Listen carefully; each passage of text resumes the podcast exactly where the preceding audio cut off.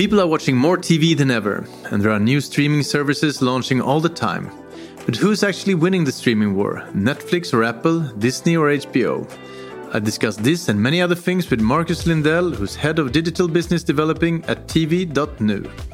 Schibsted-owned TV.nu was founded by Thomas Meivert and is the most comprehensive TV program schedule on a digital platform.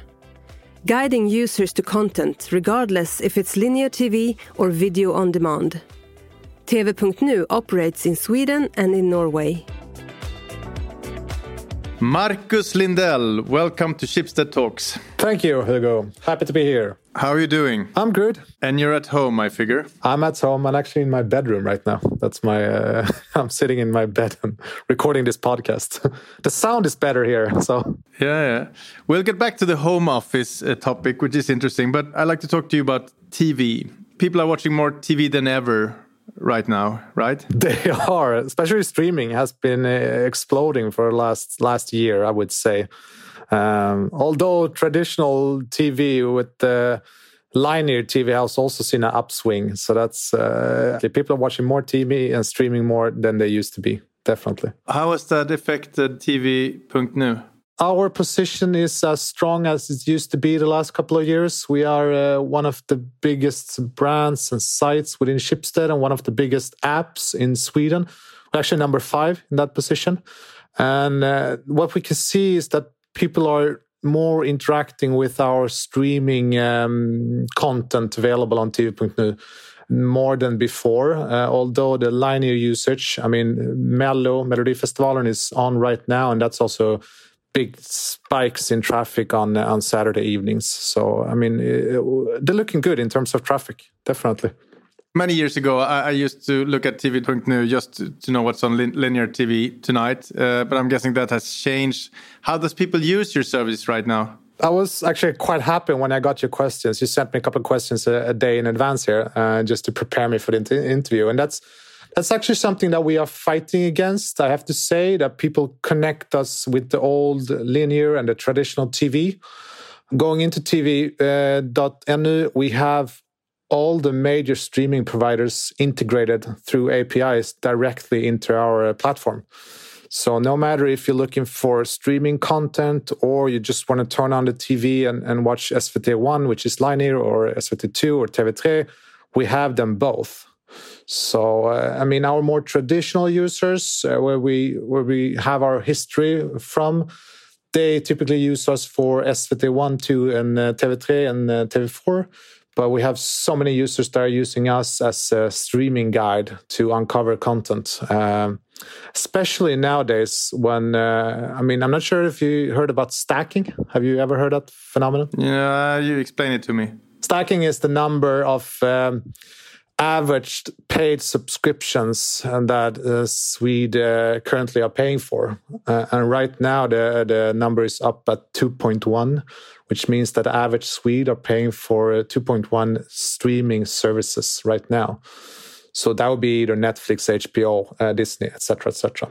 So most Swedes use the streaming providers, and, and they're already present on TV.nu. So we help and guide them to the to the streaming content available out there. Can you elaborate on that? I mean, how do you guide me to look at more, watch more quality TV? Do you have editors that curate and come in? How does it work? So it's both in the product and the editorial team, which working with our marketing channels. But uh, if you start with the product, I mean, we're doing everything that we can to kind of pivot our product coming from a more linear focus into more streaming focus. So everything that we do in terms of development within the product is to help our users um, discover streaming content in the product. So that's one thing. And then we also have an editorial team. Uh, we have uh, actually one of the biggest newsletters in the Schibsted network.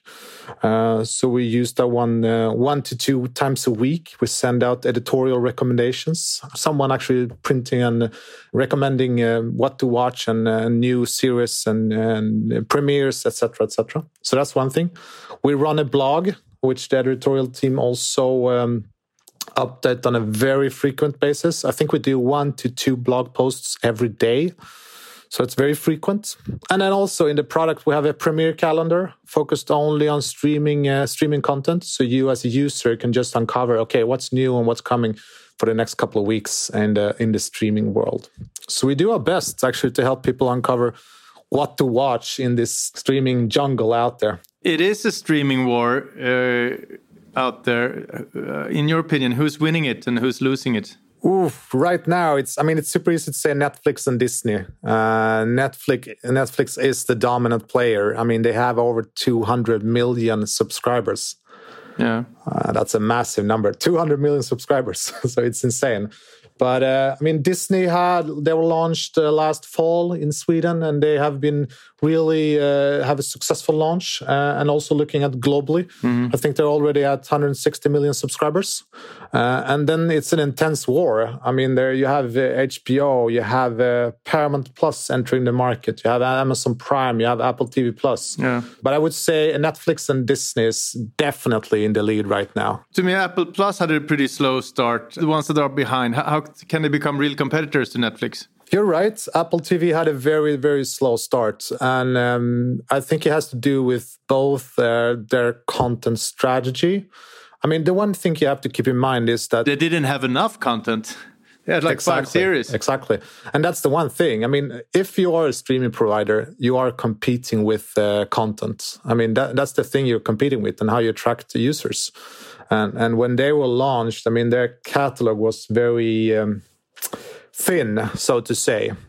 Six months later, the launch, uh, the the Corona pandemic hit the world, uh, and I know they had a lot of production that came to a halt. So they basically paused everything there for six to nine months, uh, something like that. I don't have all the details, but that's what I heard from the outside.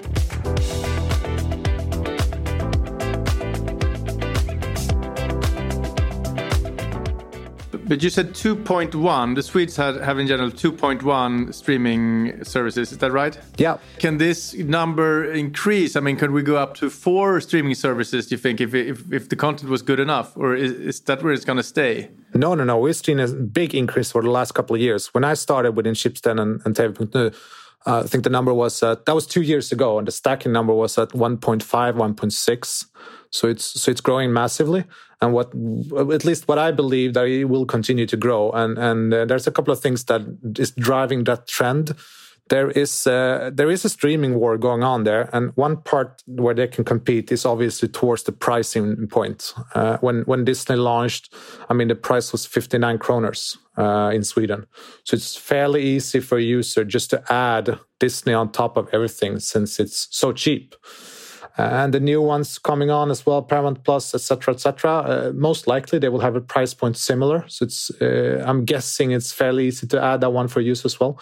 Uh, and so that's one thing. And then also that we are seeing a very fragmented um, market where you as a user most likely will have to have perhaps up to three, four streaming services uh, that you subscribe to if you want to have your favorite shows, your favorite sports, your favorite team, etc., etc. Do you watch a lot of TV yourself? I would say that I stream something every day. Yes, definitely. So hit me. Give me a comedy series and a drama series that I shouldn't miss. The thing is, though, I'm a sports guy, so my thing is football. Don't you have a sport documentary then to recommend? There's a lot of games for me to watch, but uh, if I'm going to watch something else, I I recently saw the SVT documentaries uh, Tunna blå linjen that was great. Uh, I can also recommend Exit, which is coming up for season two, I think. Yeah, the Norwegian finance uh, exactly. asshole guys. exactly. I mean, you get so annoyed by watching it, but also you want to watch some more. So yeah, yeah, yeah. blå linjen is excellent. So uh, those are two, and also I haven't seen this one, but a lot of people are talking about WandaVision on Disney. Yeah. Although uh, I can't really say I haven't seen it yet, but yeah. Those are a couple. But uh, Marcus, you're, you're a business developer. How do you make money at TV.nu? TV.nu traditionally came from a background where SMS drove most of our uh, revenue, uh, and SMS being the ad sales of Schibsted for someone listening ad in. Ad sales within yeah. Schibsted, yeah, exactly. Uh, and I mean, they drive most of our revenue so far. And then I'm working with uh, new commercial initiatives. Thing is, though, I don't want to share too much with you, Hugo, right now, because there might be someone just, else listening. Just a, nib- a little nibble of something. let me say like this: we have a lot of traffic coming from our to our platform to other platforms, and and that's something that we can commercialize on. That's one thing, at least, I can give you. How many visitors do you have uh, during a week? Around two million unique. So that's two million actual living and breeding Swedes. So around twenty percent of the population. The app is for free. There's no paying. App is for free. Just download the app and and get an account, and then you have all the functionalities and features you have to. Uh, I mean, set up your uh, streaming providers and then uh, filter and find your content, and also take part of all the great recommendations that we provide yeah. for our users. And who pays the most to TV.nu during a year? Is it Netflix or HBO Nordic? you want to have the details, right? I'm a journalist, so, so uh, I have to say no comment on that one. What's it like working for a company like Schibsted? Pros and cons. I joined Schibsted from a couple of startups. Uh, so I can really compare the startup world to the big media giant Schibsted is and kind of like a big elephant.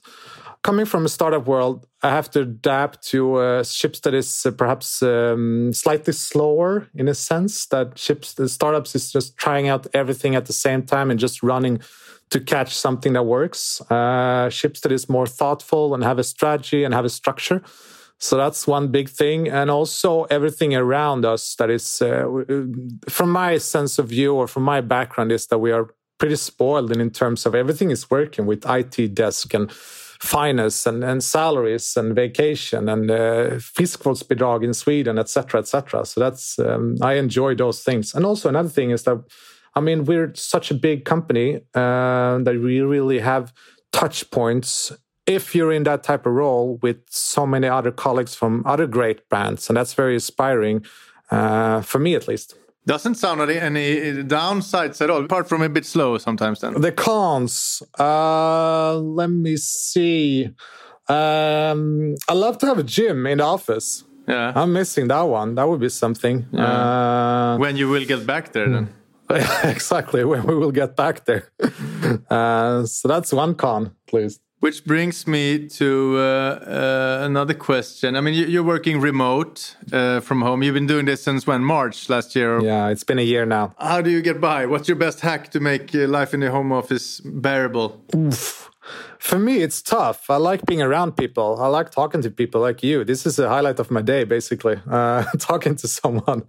But my best tip, that's something that's really been working for me, is um, I have a check in with my manager every, uh, not every day, but uh, three, four times a week at nine I mean, it's just no specific topic. We just talk for 10, 15 minutes, get going uh, on the day and, okay, what's going on? What's happening? What are you going to do? Uh, stuff like that. Nothing special.